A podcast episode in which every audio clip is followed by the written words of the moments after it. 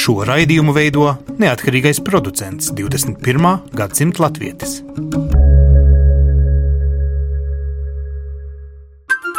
Lai kur mēs būtu, Lai kur mēs būtu, Lai kur mēs būtu, Lai kur mēs būtu, Tie esam mēs. tie esam mēs. mēs. Tie esam mēs. Mēs. Tas ir par mums. Tas ir par mums. tas ir par mums.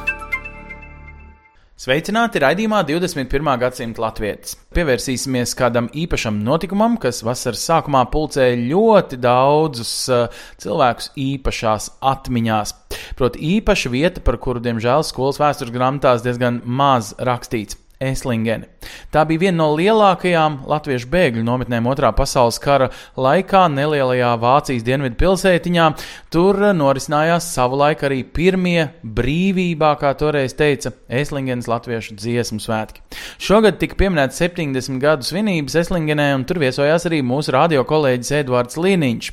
Turpmākajās minūtēs tāpēc aicinu ieklausīties atmiņu stāstos par Eslingenu, kur tolaik pirms 70 gadiem tapušie notikumi Vairums jau šodien ir atmiņās tiem cilvēkiem, kas bija skolas vecuma bērni toreiz un ir sirmgalvi mūsdienās. Atmiņas stāstu vakar vadīja pats Edvards Liniņš, un atmiņas gan tulkoja arī vācu un angļu valodās, jo daudziem viņu bērniem latviešu valoda ir kļuvusi par šķērsli. Tiesa gan mēs, protams, atskaņosim atmiņas latviešu valodā, bet dzirdēsim arī klātesošie dalībnieku atmiņas un fragmentus no nesen tapušās grāmatas atmiņas par Eslingenu. Tas būtiskais iemesls arī, kāpēc mēs šodien esam šeit, ir šī grāmata Atmiņas par Eslingenu. Tagad mums ir pienācis brīdis atvērt šo grāmatu un ieklausīties dažos tās fragmentos. Mums ir sagatavota virkne lasījumu, skatīsimies, kā mums ies ar laiku. Bet eh, es lūgtu mums šeit piebiedroties Albertu Legsdiņu junioru, kurš ir sagatavojis fragmentu no sava tēva Alberta Legsdiņa atmiņām. Lūdzu! Paldies! Vispirms es vēlētos pateikties Laurai Putānei, ka viņa lūdz mūsu ģimeni dalīties šajā vakarā un dalīties ar mūsu nelaiķu tēva atmiņām no Eslingens. Viņš ļoti vēlējās te būt. Vēl pēdējās dienās viņš vēl runāja un prasīja man, vai biļets ir nopirkt uz Eslingenu. Bet, diemžēl, tā nesanāca. Jūs jau redzējāt manu tēvu uz ekrāna. Vēl daudz tās atmiņas jūs jau esat dzirdējušas, bet es vēl varu pielikt dažus klāt. 1945. gadā mans tēvs ar manu vecmātu un vecvecmātu, ar vecpatēvu, aizbēgot no Latvijas, ieradās Eslingenē. Mans tēvs te nodzīvoja no 12 līdz 18 gadu vecumam, un tas dzīves periods Eslingenē ļoti viņu iespaidoja un ietekmēja viņu dzīvi. Viņš man stāstīja, cik Eslingena bija bagāta ar latviešu kultūru. Bija teātri, kori, dejas grupas, rakstnieki, mākslinieki un pat dziesmu svētki. Viņam ir sevišķi patīk teātris, jo viņš varēja analizēt aktierus, kas uz mazām skatuvēm tēloja. Viņš Eslingu nosauca par mazo Latviju. Te viņš iemācījās spēlēt futbolu, kas vēlāk Amerikā palīdzēja viņam atrast darbu un dzīvokli. Viņš man stāstīja, kad bija futbola spēles Štutgartē, tad viņš ar draugiem no Eslingens brauktu ar vilcienu, lai noskatītos Štutgartas stadionā spēles. Atgriežoties Eslingenē, Tiem, kuri netika uz spēli, viņi notēloja visus vārtus sporta laukumā. Pirms trim gadiem man bija tā iespēja ceļot ar manu tēvu uz Eslingenu, dzintras gadkas dieva putniņa filmēšanai. Viņš man rādīja, kur viņš ar ģimeni dzīvoja, kur vecmāte un vecvecmāte dzīvoja, kur viņš gāja pamatskolā un vēlāk gimnāzijā. Baznīca, kur viņš tika iesvētīts, kur spēlēja futbolu, kur pirka saldējumu. Viņam bija neticama atmiņa, un katru reizi, kad viņš man ko jaunu rādīja vai stāstīja par Eslingenu, viņa acis mirdzēja. Viņa bija ļoti labs atmiņas par Eslingenu, un tā pieredze atstāja lielu iespaidu uz visu viņa dzīvi. Paldies! Un nu es gribētu dot vārdu atmiņu fragmenta lasījumam Karīnai Cīglerei. Tad atmiņas no grāmatas viņa pati pieteiks fragmentu, kuru viņa lasīs. Lūdzu! Mana Eslingena. Atmiņas, kuras ir uzrakstījusi un iesūtījusi Astrīda Barbina Štanke. Šis īsais laiks no 1945. gada rudens līdz 1949. gada augustam. Tikai četri gadi manā atmiņā palicis kā neaprakstāms epos. Šķiet, ka tur un tad izveidojās mana personība. Tur pārkāpu slieksni no bērnības jaunībā. Tur patiesībā apguvu savu latvisko pašapziņu, domāju, mēģināju izprast, ko dzīvē man būs darīt, kā dzīvot. Es gāju Eslingenes pamatskolā, kur Milda Muceniece bija mūsu klases audzinātāja. Viņa bija stingra skolotāja, bet pievērsa katram bērnam personīgu uzmanību un tiešām mēģināja mūs visus izveidot par cilvēkiem, par īstiem latviešiem. No viņas iemācījos gramatikas likumus, no diktātiem apgūvu valodas ritmus, mūziku, izteiksmi, kas viss kļuva daļa no manis. Mums nebija grāmatu, tāpēc daudz diktēju, un mēs daudz mācījāmies no galvas.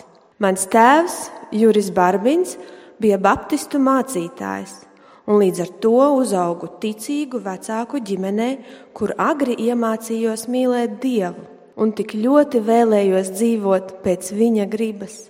Kaut gan pasaule visapkārt vilināja, un pasaule bija viss, ko mēs tagad sauktu par kultūru. Pateicoties mūsu gaišajai un garā brīvajai mātei, Mildai Brekters Barbinai, ticība dievam un viņa dēlam Jēzum Kristum nebija saistīta negatīvismā, bet pozitīvā nostājā. Viss man ir brīvi, bet ne viss man der. Un bija brīvi man dejot, sirot iet uz teātriem, tām neaizmirstamajām izrādēm, kādas redzēju pirmo reizi savā 10 līdz 14 gadu vecumā. Pūtvēņi bija pirmā, Mani kristīja Študgartē, izbumbotā baznīcā 1948. gada 11. septembrī. Es darbojos arī Grīna kundzes guntiņu grupā. Tā pašā laikā mans brālis Torils bija skautos, grupā, kuru vadīja Oskars Grīns, pazīstams arī kā diplomēts meistars Sudrabkalis. Viņš no buļģu vākiem izgatavoja visas skautu gaidu mazskautu guntiņu zīmes un kaklasēšu saspraudes. Mēs regulāri kopīgi gājām sirot pa skaisto Virtembergas apkārtni, nometņojām un rīkojām ugunskurus ar priekšnesumiem. Lielo pienākums bija līdzēt audzināt mazos tautas garīgo vērtību garā un rādīt labu priekšzīmi. Un tā kā visās reizēs biju savā īstā brāļa tūmā un zem viņa uzmanīgā acu skatiena, tad pārmērīgi centos būt laba kas gan nevienmēr izdevās, par savām kļūdām un citām lietām, kas neizdevās tieši tā, kā to sagaidīja vadība un par ko mūs sodīja, arī zināja mans priekšzīmīgais brālis, kas arī mājās uzņēmās atbildību mani mācīt un veidot. Un es centos, Mēs visi centāmies nedarīt kaunu ne saviem vecākiem, ne savai dzimtenei. Bet tā kā mums patika skautu gaidu nodarbības, bez tām šīs dzīves posms nemaz nebūtu iedomājams. Cik daudz mēs iemācījāmies, cik daudz mēs ieguvām. Patiesībā visa latviskā apziņa manī izveidojās tieši šajā laikā, gan skolā, un guntiņās, un arī baznīcā un ģimenē. Eslingenes nometne bija bagāta ar latviešu inteligenci, profesionālie aktieri, mākslinieki, politiķi un visdažādākie garīgie darbinieki, staigājot svešo zemi, atrauti no savām vietām dzimtenē, iesaistījās vispārējā latviešu kultūras saglabāšanā un jaunatnes audzināšanā. Jaunlaiku psihologi varbūt sacītu, ka tas viss uzlika pārmērīgu slodzi, bet mēs visu to pieņēmām par normu un centāmies dzīvot un darīt lietas, cik labi varēdami. Tāpēc manā atmiņā šis bēdu laiks, bet tiešām bija skaists, bagāts un neaizmirstams. Cik skaistas bija vasaras nometnes, šķēršļu gājieni cauri mežiem, senām ķēniņu valstīm, pilsdrupām. Mistikas un romantikas apburti bija ugunskuri, ap kuriem ielga dziedāšana un raudzīšanās dziestošajās oglēs līdz pēdējās dzirksteles savienojās ar mirdzošajām zvaigznēm debesīs. Paldies Karīnai Cīglerei, bet eh, mēs turpinām ar nākamo atmiņu fragmentu, eh, kur mums sniegs Ilzā Tardo. Es kā mūziklas skolotāja neko citu nevarēju izvēlēties. Alīdas Cīrules atmiņas par Latviešu ģimnāziju Eslingenā. Latvieši no seniem laikiem centušies tikt pie izglītības un sūtīt savus bērnus skolās. Otrā pasaules kara beigu posmā latviešiem atstājot dzimteni skolas pajuka. Pēc Vācijas kapitulācijas 1945. gada maijā latvieši Vācijā sāka pulcēties bēgļu nometnēs un organizēt savas skolas. Viena no lielākajām latviešu bēgļu nometnēm atradās Eslingenā. Skolu jautājumu sāka apspriest 45. gada vasarā skolotāja Benedikta Laupača vadībā, kad norganizēja nevienu pamatskolu, kas darbojās Breita ielā, bet arī ģimnāziju vāciešiem atņemtajā pilsskolā. Eslingenā bija liels skolēnu pieplūdums. Tika norganizētas paralēli klases. Gimnāzijā strādāja daudzi pilntiesīgi gimnāziju skolotāji un arī vairāki augstskolas mācību spēki. Piemēram, Alfrēds Jumiķis un Kārlis Kaufmanis. Mācību grāmatu nebija. Sākumā trūka pat nepieciešamo rakstāmo piedarumu, bet bija liela vēlēšanās iet skolā, mācīties, apgūt nokavēto.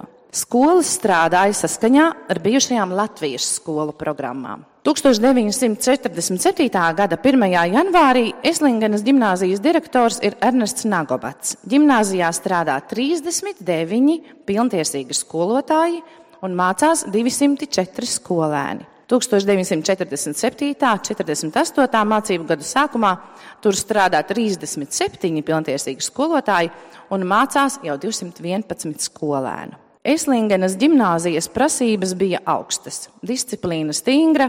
1945. un 46. gada izlaidumā 5. A klasē mācījās daži bijušie karavīri. Pārunāju ar viņiem speciāli gimnāzijas disciplīnas noteikumus. Sapratāmies. Viņi respektēja gimnāzijas kārtības noteikumus, un man galvas sāpes nesagādāja. Paldies jums, lielie zēni! Reizi gadā gimnāzija rīkoja lielāku sarīkojumu. 1946. gada pavasarī gimnāzisti iestudēja senlatviešu kāzu uzvedumu. Tekstu ar tautas dziesmām bija sakārtojusi Alīda Cīrule. Režisors bija aktieris Jānis Neimanis. Tautas dziesmām mūziku komponēja komponists Wolfgangs Dārziņš. Dējas iestudēja Valija Priedīte. Ar uzvedumu ģimnāzisti viesojās pie amerikāņiem Eslingenā un tautiešiem Manheimas nometnē. Nākamajā gadā ģimnāzisti iestudēja Annas brigaderes sprīdīti, vēlāk maiju un paiju. Gimnāzija svinēja Ziemassvētkus, Latvijas svinamās dienas un izlaiduma aktu, kad centās no amerikāņu apgādes izkaulēt papildus produktus kafijas galdam un glāzi vīna. Protams, mīlestā ielūdzām nometnes vadību. Mācību gadam beidzoties, pedagogi un absolventi rīkoja ekskursiju uz Gārmišparkenkirkenu, lai redzētu Alpas un uzbrauktu cūkšpicē, citu reizi uz Bergskā gādenu un ērgļa ligzdu. Braucām smagajās kravas mašīnās. Par pieredzēto ekskursantu sacerēja dziesmu, arī meldiju, ko dziedāja atceļā, kā arī katrā sapulcēšanās reizē. Ekskursijai uz Franču zonu izdevās dabūt pasažieru autobusu. Braucām lepni. Pie viesnīcas, kur gribējām ēst pusdienas, mums pretī iznāca sulaiņi frakās, laikam domādami, ka ieraudas augsti viesi. Mums klāja lepenus gādus ar servietēm un vairākām dakšiņām. Viņi jau nezināja, ka dienā iztiekot ar pārvietoto personu servīzi, mēs bijām aizmirsuši pat dakšiņas lietot. Uz katra galdiņa uzlika pudeli vīna un pasniedza trīs vai četrus ēdienus. 1948. gadā norganizēja skolēniem vasaras nometni Dēgarholcā pie Silvernenbukas. Nometnes direktors bija skolotājs Bendrups, dzīvojām teltīs. Nodarbības vadīja un teltis pārzināja skolotāji, arī pēdējo klašu gimnāzisti. Nometnē dzīvoja latviešu, poļu un ungāru bērni. Diena sākās ar rīta vingrošanu. Bija dziedāšana, rokdarbi un sporta nodarbības. Vakaros ugunskuri ar dziedāšanu. Grūti bija ievērot pēcpusdienas klusuma stundas un vakaros laikus aiziet gulēt. Vārda un dzimšanas dienās no rīta apsveic ar dziesmu, un saimnieces centās izcept un katram svinētājam pasniegt mazu kliņģerīti. Islingenā bija nevien daudz jauniešu, bet arī mācītāju, ieskaitot arhibīskapu Teodoru Grīnbergu. Pēc kara gadiem daudziem jauniešiem iesvētīšana bija aizkavējusies, un ģimnāzija norganizēja jauniešu iesvētīšanu. Ar piemērotiem tērpiem bija, kā nu bija. Meitenēm visām bija, ja ne balti, tad vismaz gaiši tērpi. Laimīgā kārtā Eslingenā dzīvoja Zeltkalas Jursons, kas tām meitenēm, kurām nebija tuvinieku, sagādāja iesvētīšanas tērpus un arī citādi materiāli palīdzēja. Paldies Jursona kungam par jauniešu atbalstīšanu. Aizvadītajos gados daudzi Eslingenas gimnāzijas absolventi beiguši universitātes, strādā savās profesijās, ieņemot vadītāju posteņus un ir sabiedriskie darbinieki. Tas ir lielākais gandarījums mums, viņu skolotājiem un audzinātājiem par darīto darbu. Un vēl pavisam īsts fragmentiņš par mūzikas skolu un to, ko mūsdienās sauc par interešu izglītību. Mūzikas skola Eslingenā - svētīgs posms mūsu dzīvē, zīmtas mekšas kūlītes atmiņas. Nometnē veidojoties 1945. gadā, tajā saplūda visāda vecuma ļaudis. Tika nodibināta pamatskola Pilsnavas skolas ēkā uz Breita ielas, Breitenštrāse, ģimnāzija pilsskolā, burkšūle, daļamatniecības, aušanas un kogriešanas, rotkaļu, zobu tehniķu, automehāniķu, šūšanas, daļuma kopšanas kursi pērkonas kundzes vadībā, smalkas veļas šūšanas kursi, mūrniecības un vēl daudzi citi kursi, kas man toreiz mazai meitenei palikuši nezināmi. Eslingenā arī nonāca daudzi Latvijas valsts konservatorijas beidzēji. Šie jaukie mākslinieki gādāja, lai mēs izglītotu arī savas dvēseles, mācītos spēlēt violi, dziedāt, klavieres spēlēt, iespējams, mācīja vēl kādus citus instrumentus arī. Skolu apmeklēja 250 dažādu vecumu skolēni, arī pieaugušie. Šīs ziņas nāk no mūzikas skolas vadītājas Elzas Mekšas piezīmēm. Bez skolas vadītājas, kura mācīja dziedāšanu, Stundas pasniedza vēl 24 skolotāji. Stundas notika Lido ēkā, Eslingenas pilsētas daļā pāri tiltam, arī pamatskolas telpās, kad skolas diena bija beigusies. Lielajā zālē katrā no rītiem sanācām rīta lūkšanai, atradās liels melns flīģelis. Pie tā dažu labu pusstundu arī man laimējās pasēdēt. Pasēdēt ir pareizs apzīmējums. Diemžēl no sēdēšanas vien par pianistu neviens nav kļuvis. Apbrīnoju bijušās skolotājas Veltas Baravikas pacietību. Baravikas jaunkundzei gana bija tikai četri skolēni. Laimīgas sagadīšanās dēļ trīs no mums esam ieprecētas radinieces ASV un Latvijā. Baravikas kundze daudz laika ziedoja pavadot dziedātāju Elzu Mekšu un Kristīni aizpori grapu ceļojumos pa bēgļu nometnēm ar tautas dziesmu koncertiem. Neaizmirstami bija skolēnu vakari Gemaindehausa zālē. Tas varētu būt šeit. Tie bija mirkļi, kas mani iedvesmoja censties vairāk. Kad Andris Kaminskis spēlēja šūmaņu priecīgo zemnieku, biju pilnīgā sajūsmā. Pati gan nekad pie uzstāšanās goda netiku. Paldies! Paldies Ilzē Tardo! Ar izglītību ir saistīts viens no spilgtākajiem motīviem mūziklā, un tas ir citēts arī šīs grāmatas vāka atlociņā motīvs mammiņa, papiņa, mammiņa, papiņa, vai jūs ziniet, un ja nē, tad lūdzu miniet. Kas mums skolā pasniedz tiek, ko mums bērniem skolotāji galvās iekalt liek, un tālāk sako uzskaitījums ar mazsvarīgiem pirms kara Latvijas statistikas datiem. Kā tad īsti bija ar mammiņu, papiņu, vai starp klātesošiem ir kāds, kurš ir piedzīvojis tā laika latviešu izglītības sistēmu Eslingenā vai kādā citā no bēgļu nometnēm? Ir? Ir. Lieliski. Vai es varu jūs lūgt komentēt šo? Vispirms es iemācījos, ka tie esot bijuši mani laimīgākie gadi.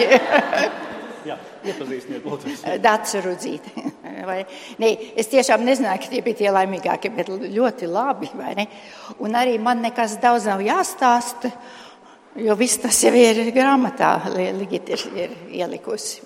Tiešām, bet tā bija. Visu, ko es redzēju Eselingenas lugā, tā tiešām bija. Bet man bija no 7 līdz 11. vai ne? So, uz, uz to kafejnīcu es negāju, to, to daļu es nezināju, vai ne? Bet, bet skola bija. Es varbūt drusku citādāk. Es gluži labi uz to skolu neskatījos. no, no, no.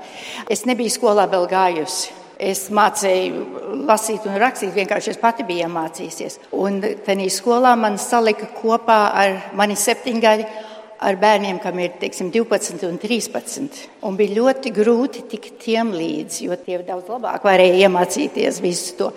Un ne visi bija jauki, vai ne tādam mazam es gribu palīdzību, teiksim, matemātiku, un viņi saka, ah, viņi grib būt tie, kas ir pie, pieci. So es patiesībā biju ļoti priecīga, ka es aizbraucu uz Ameriku. Man Amerikā skolā gāja daudz labāk, jo šeit tie skolotāji bija stingri. Oh, jā. Es atceros, ka mums bija jāiet starp brīžos, nevarēja skriet apkārt. bija smuki pa pāriem jāstaigā vai ne apkārt. Un puikas viss stāvēja kaktos, jo tie bija kaut ko slikti izdarījuši. Bet, kā jūs teicāt, man priecīgākie gadi. So. man ļoti patīk teātris. Es tiešām vakaros varēju sēdēt un skatīties mēģinājumus. Es atceros, kur dēļ Silmačos, jo tas bija pirmais.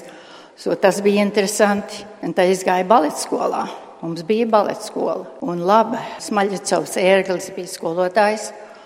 Un um, tiešām ļoti laba baleta skola. Un tur es iemācījos un vēlāk uh, es īsu laiciņu dancoju nakts klubos. Okay? Ne baletu, bet nakts klubos. uz tā pamata. Jā, es atceros, piemēram, es toreiz tā nedomāju. Mani vecāki taču laikam nestrādāja. So viņiem bija diezgan daudz laiks veltīt man. Piemēram, mana mamma man šad tad ne tikai palīdzēja ar tiem mājas darbiem, piemēram, ka bija zīmēšana, ko es galīgi nemācīju. Viņu uzzīmēja, lai es dabūtu skolā labu atzīmi. Okay. Viņai nebija ko darīt, viņa uzzīmēja visu un aizsūtīja, un tas bija mans darbs. Ar tēvu, kurš vēlāk paliks latviešiem sporta žurnālists Amerikā, mēs gājām, un viņš bija pingpong čempions. So, ļoti jauka vecākiem. Viņi nestrādā, tu ej uz sporta spēlēm un, un, un staigāt, un tāda bija mana laimīgā dzīve, vai ne? ne tiešām, kā bērns es skatījos citādāk uz visu to, ja kaut kas bija briesmīgs, es domāju, ka vecāki to paslēpa Un es tiešām nemanīju. Man gāja ļoti labi. Paldies. Okay.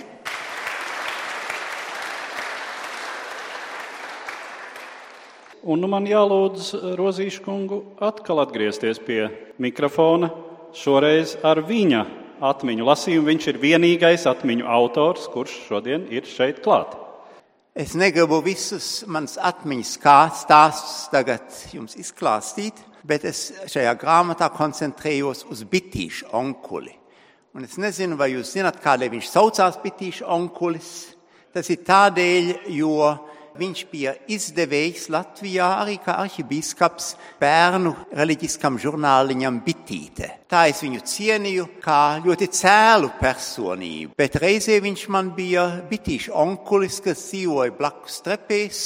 Tā es arī vienu otru iezīmi, tīri personīgu iezīmi no viņa dzīves piedzīvoju. Un tā kā nu pa visu pārējo jūs daudz varat lasīt, tieši varbūt nedaudz šīm personīgām atmiņām jums dalīšos. Viena atmiņa ir tā, kad viņš nebija precējies. Un tādēļ viņš to, kad bija trīs dāmas ap viņu, uzskatīja par mūsu Dieva debesīs audzināšanas paņēmienu iepratim viņam viņa vecumdienās. Jo viņam nebūtu negāja viegli, tīpaši tad, kad viņš nonāca starp šo trīs dāmu frontēm. Tā viena dāma bija saimniece, Marija, ārkārtīgi garšīgi cepi un vārija, burvīgu kafiju, pat tanīs laikos, trūkuma laikos gatavoja Viņa bija tāds īsts lietas koks. Recepts gan no viņas nevarēja dabūt rakstiskā veidā, ar tām viņa nedalījās, bet viss, ko viņa gatavoja, izdevās. Un tad bija mācītāja Villes atraitne, Villes kundze, kas bija priekšālasītāja. Jo arhibiskapam Grīnbergam bija diezgan vāja redze uz dzīves beigām, un tad vēl bija viena radiniece Un es vienreiz dzirdēju, ka tā radiniece no apakšas sauca Teodoru, viņas mani nelaiž iekšā. Tā kā tur acīm redzot, kādreiz bija arī problēmas. Varbūt viens stāstīns, kas nav minēts tur no inzulas. Šeit jau arī viena priča paēgilim tur esoša uzņemšanas komandiņa. Arī ir šīs dienās klāt. Tanīs laikos inzulā dzīvo ļoti daudzi cienījami vecāki cilvēki. Tā bija veco ļaužu mītne, bet nebija jau tā kā šīs laikos toreiz vecākiem cilvēkiem bija četriem pieciem vienā istabā jādzīvo. Bet nu, nebūtu morāliski precētu pāri ar citiem vecākiem cilvēkiem kombinēt. Tādēļ precētiem pāriem mēģināja tomēr iedot istabiņu par sevi. Un, protams, ir daudz patīkamāk dzīvot vienā istabā ar vienu cilvēku nekā ar trim četriem. Tādēļ arvien vairāk radās precības insulā starp veciem cilvēkiem, un atbildīgais mācītājs Brencis nebija tā īsti drošs, vai tā vien ir mīlestība, kad novada uz precībām, ja priekšplānā bija vēlēšanās no 4-5 gultistabas nonākt 2 gultistabā kaut cik ciešamu cilvēku. Un tādu viņš rakstīja pēc padoma arhipiskapam Grīnbergam, vai viņš tādos gadījumos, lai laulā vai nelaulā. Un es atradu to vēstuli arhibiskapa Grīnberga arhīvā, kur viņš ar zīmoli bija pierakstījis klāt, tas bija kopija. Laulā gan, ja es to būtu, arī es vēl precētos. Tu redz viņa cilvēcību. Tieši onkulim nekad netrūka bombongas kabatā bērniem, un viņš aizdeva mātei naudiņu, pat kad vajadzēja maniem zobiem, un tā man ar viņu saistās tik daudz, daudz mīļi stāsti, cilvēcīgi stāsti, kas cieņu iepratim viņam drīzāk padara vēl lielāku un pamatotāku. Tā nebija fasāde, bet tas bija cilvēcīgums. Un tādēļ es esmu ļoti priecīgs, ka uz viņa kapa plāksnes stāv šie vārdi, kas man ar vien vairāk ir atklājušies, ka tas patiesi varbūt ir mūsu ticības centrs. Dievs ir mīlestība, un kas paliek mīlestībā, tas paliek Dievā un Dievs viņā. Tas ir tas noslēpums, kādēļ mēs turamies kopā, pāri pa visiem atstatumiem, pāri pa visām grūtībām, pāri pat pa paudzēm, kaut mēs to varētu paturēt. Un tādēļ mēs esam ļoti priecīgi un pateicīgi, ka viņam tagad ir goda kaps šeit piešķirts, lai tas ir tas, kas mūs pavada un tur kopā, un kurā tad arī Dievs avien mūs vadīs.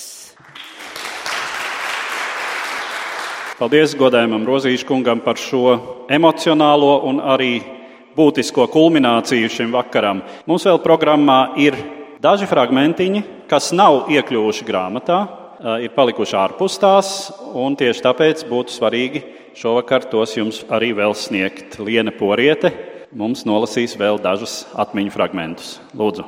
Jā, sveicināt! Man bija tas gods arī veidot izstādi pilsētas muzejā.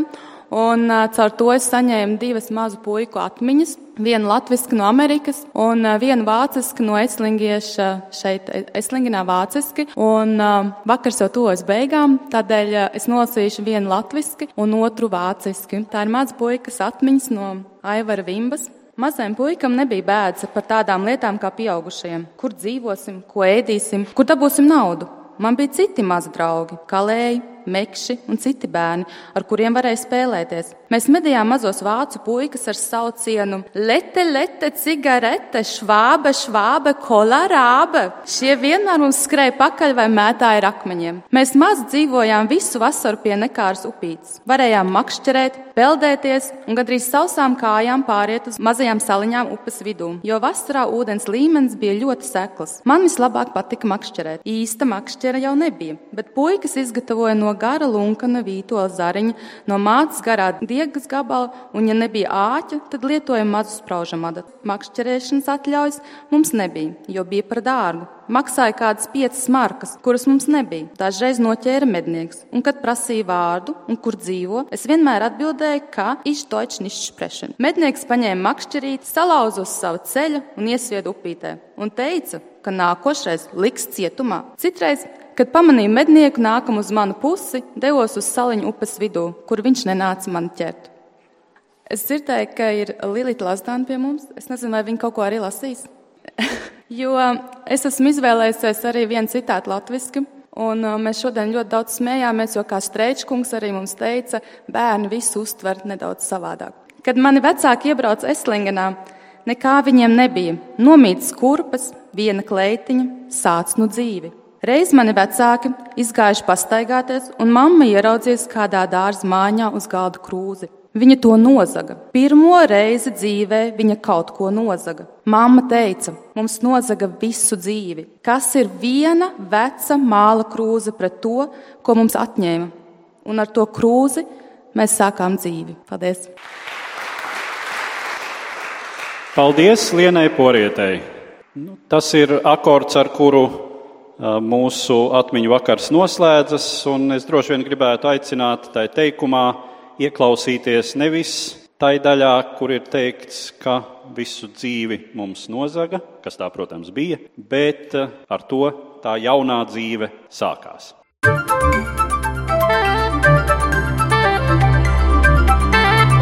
Tie esam mēs.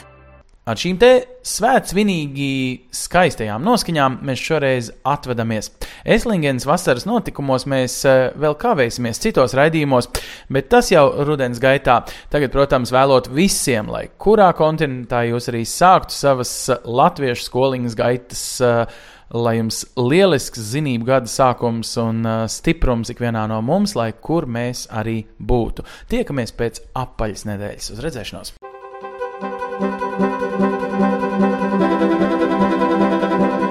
Sadarbībā ar, ar Latviešu.com piedāvājam globālais latviešu notikuma apskats, kur ir tur rodas. Kur ir tur rodas? Tas ir par mums! Amerikas Latviešu apvienība aicina latviešu diasporas skolotājus piedalīties konferencē Praktisks atbalsts latviešu skolu skolotājiem. Tā norisināsies no 9. līdz 10. septembrim Denveras sabiedriskajā centrā. Konferences gaitā apspriedīs, kā latviešu valodas mācīšanu un mācīšanos padarīt par dinamisku, priekpilnu un izglītojošu piedzīvojumu. Tāpat skolotāji dalīsies pieredzes veiksmes stāstos un izaicinājumos, kā arī centīsies rast risinājumus mācību procesa pilnveidei. Vairāk par to stāsta Amerikas Latviešu apvienības pārstāve Andra Zomers. Ja skatās, kas ir mūsu galvenie izaicinājumi šodien, tie ir tie paši, kas ir atkal parādījušies. Trūkst materiālu, bet šoreiz trūkst materiālu, tāpēc, ka nav piemēroti materiāli mūsu skolēnu šī brīža valodas līmenim. Mums ir skolotāji, kas strādā, kas nav profesionāli skolotāji, kam vajag atbalstu darbā, un mums ir bērni, kas runā dažādos valodas līmeņos. Vai tas ir tāpēc, ka ģimenē nav, netiek lietot valoda konsekventi, vai tas ir tādēļ, ka viņi dzīvo tālu no skolām un netiek vispār latviešu valodas vidējas bieži. Bet tie tie paši izaicinājumi viņi atkārtojas. Tas ir gadskārtējs notikums Amerikas latviešiem, latviešu skolas skolotājiem. Šajā rudenī izdomājām, ka jāpievēršās praktiskajam, un mēs esam aicinājuši speciālisti, skolotāji, pedagogi no Latvijas, kas mums ir zināma ASV, Dace Anstrate mūs uzrunās par aktīvām nodarbībām, mācot bērniem valodu. Būs arī mūsu pašu ASV latviešu skolas skolotājs, kas ir daudz gadu strādājušas latviešu skolās. Abas pēcprofesijas ir skolotājs, abas ir uzņēmušās materiāls veidot, materiāls adaptēt. Katram skolotājiem būtu kaut kas praktisks, ko ielikt kabatā un aizvest mājās un sākt darboties. Nākamnedēļ tautiešiem Lielbritānijā būs iespēja apmeklēt latviešu mūziķa Reņa jaunā koncertus, kuros mūziķis demonstrēs dažādas ģitāru spēles tehnikas. Trešdien, 6. septembrī, Reinis koncertēs Skotijas pilsētā Glāzgovā, bet ceturtdien Edinburgā, un no 8. līdz 10. septembrim Reinis jaunais viesosies Anglijā un priecēs mūzikas cienītājus Harogeitā, Timsburijā un Herfordā.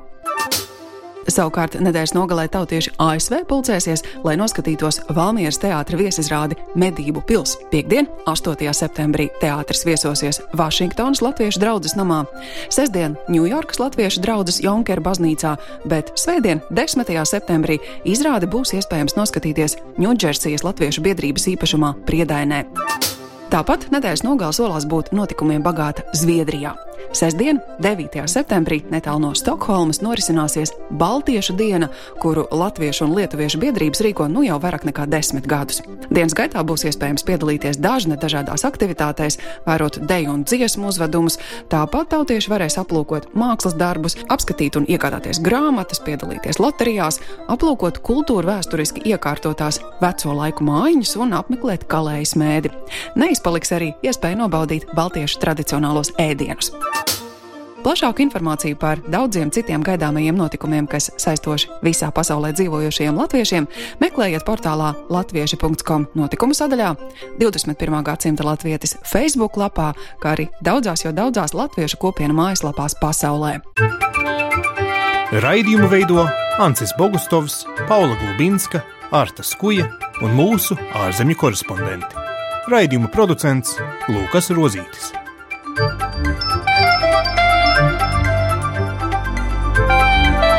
Lai kur mēs būtu, lai kur mēs būtu, tas ir par mums. Tie esam mēs. Tas ir par mums. Tie esam mēs. Tie esam mēs. Tie esam mēs.